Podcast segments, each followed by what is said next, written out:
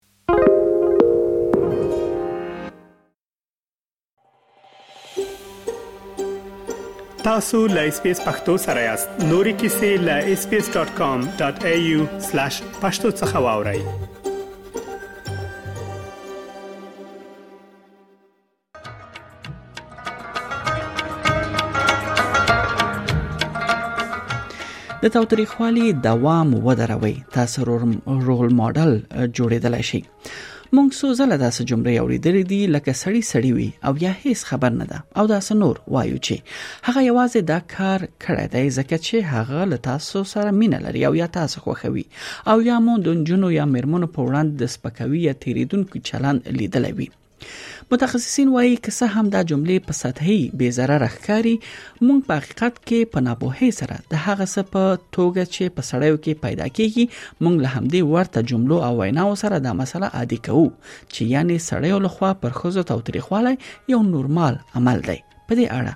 نور معلومات دی او ریدو ته ملتیا مو کړئ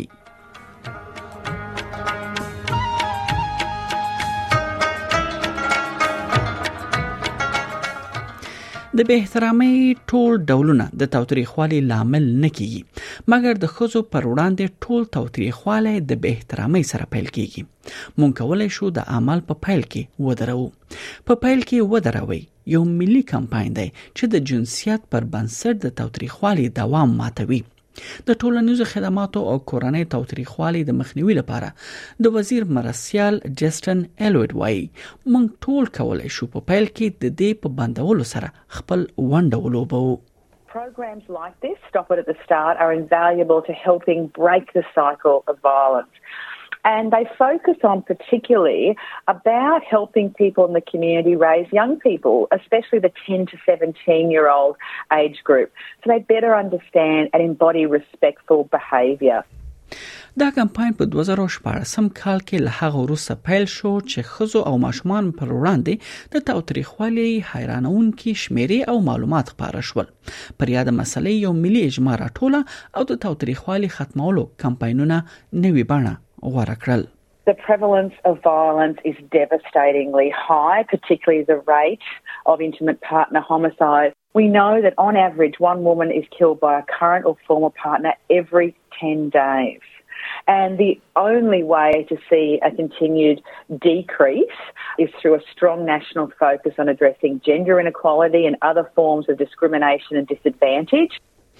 په دې کمپاین کې دا معلومه شوې ده چې د ځوانانو چلندونه د لویانو پاملرنې یا پاملرنه کوونکو او هم شاوخوا نفوذ کوونکو کسانو لخوا اغیزمن شوي دي او شکل نسی له همدې امله کمپاین لویان هڅوي چې په خپل چلندونو غور وکړي او کشرانو لپاره رول ماډل ووسی ترڅو ترې داسې کړنې او خوې زده کړي کوم چې خزو پر وړاندې له تاوتریخوالي لري وي ډاکټر روزینکا مکالپن د والدینو متخصصه ده او د الهام شوی ماشومانو لیکواله هم ده هغه وایي چې سړی سړی وي په سیر بهانه کول شي د ځوانانو خلکو نظرونه د هغه څه په اړه جوړ کړي چې سم دي او په ځوانانو کې د سپکاوي چلن توجیه کوي violence doesn't just start, it grows from being a young child and then moving through adolescence and into adulthood. It's time to stop the excuses like, you know, oh, boys will just be boys. It's okay, toughen up, buttercup, all that stuff we say. We've got to stop those excuses.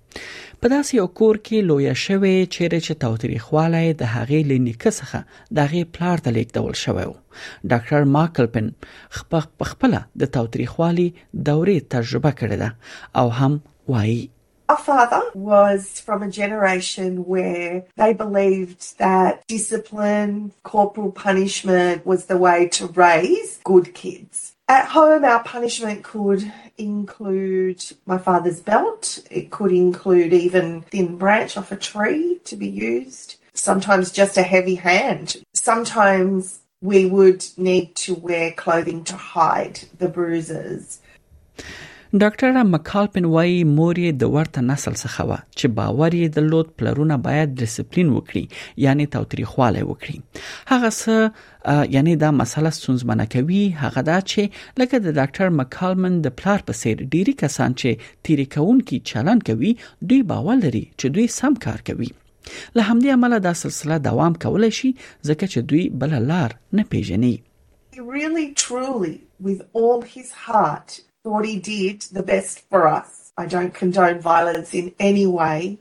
but I also know that he would say things like, When I was young and growing up, my father used to hit me for no reason. I never hit you for no reason. So, in his mind, he'd moved closer to what would be ideal parenting. ډاکټره مکالپن ډيري کلونه د والدینو ملاتړ او هم چلندونو په سیړنه باندې او شریکولو باندې تیر کړی دی په اصل کې هغه د خپل کورنۍ د توتریخوالي سلسله ماته کړې ده او خپل تجربه شریکوي I learned little by little what it meant to be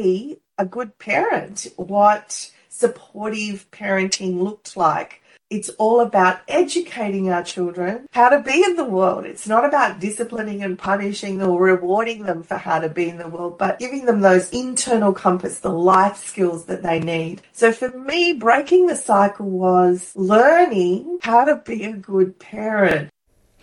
د تاوتریخوالي سلسله ماتول یوازې د لویانو په اړه نه دي چې د دوی خپل چلن منعکس کوي د وزیر مرستيال وایي چې د کمپاین یو برخه د درناوي اړیکو او د جنسيتي مساواتو په اړه فعال پرانیسي او روان خبرې هم دي چې دا باید وهڅول شي young people take great notice of what key adults in their lives say, like their parents and their teachers and their coaches and their community leaders. And so there are many steps all of us as adults can take. Some are small and simple steps, such as discussing, you know, what could seem like a harmless joke, in fact isn't. We should have a discussion about that. Or talking to younger people about having the confidence to speak up when we witness disrespect. So it's important to start that dialogue. ډاکټر مکالپن وایي دا هیڅ کله وخت او یا نا وخت نه ده چې تاسو خپل ماشومان سره د درناوي ارزښت پر سر خبره وکړي معنی دا چې څنګه میرمنو او یا سړیو پر وړاندې درناوی موجود شي We need to be as teachers, as parents, at every stage, Not making excuses, stopping and educating, having those conversations around what is respectful behavior. په پیل کې درول او یا بندول د کمپاین لخوا چمتو شوی ډيري سرچینې شتون لري چې دا کولای شي تاسو سره د غیر ارادي عذرونو په پیژندلو د خبرو اترو پیل کولو او تاسو د ماشومان په برخه کې هم ډیر مرسته کولای شي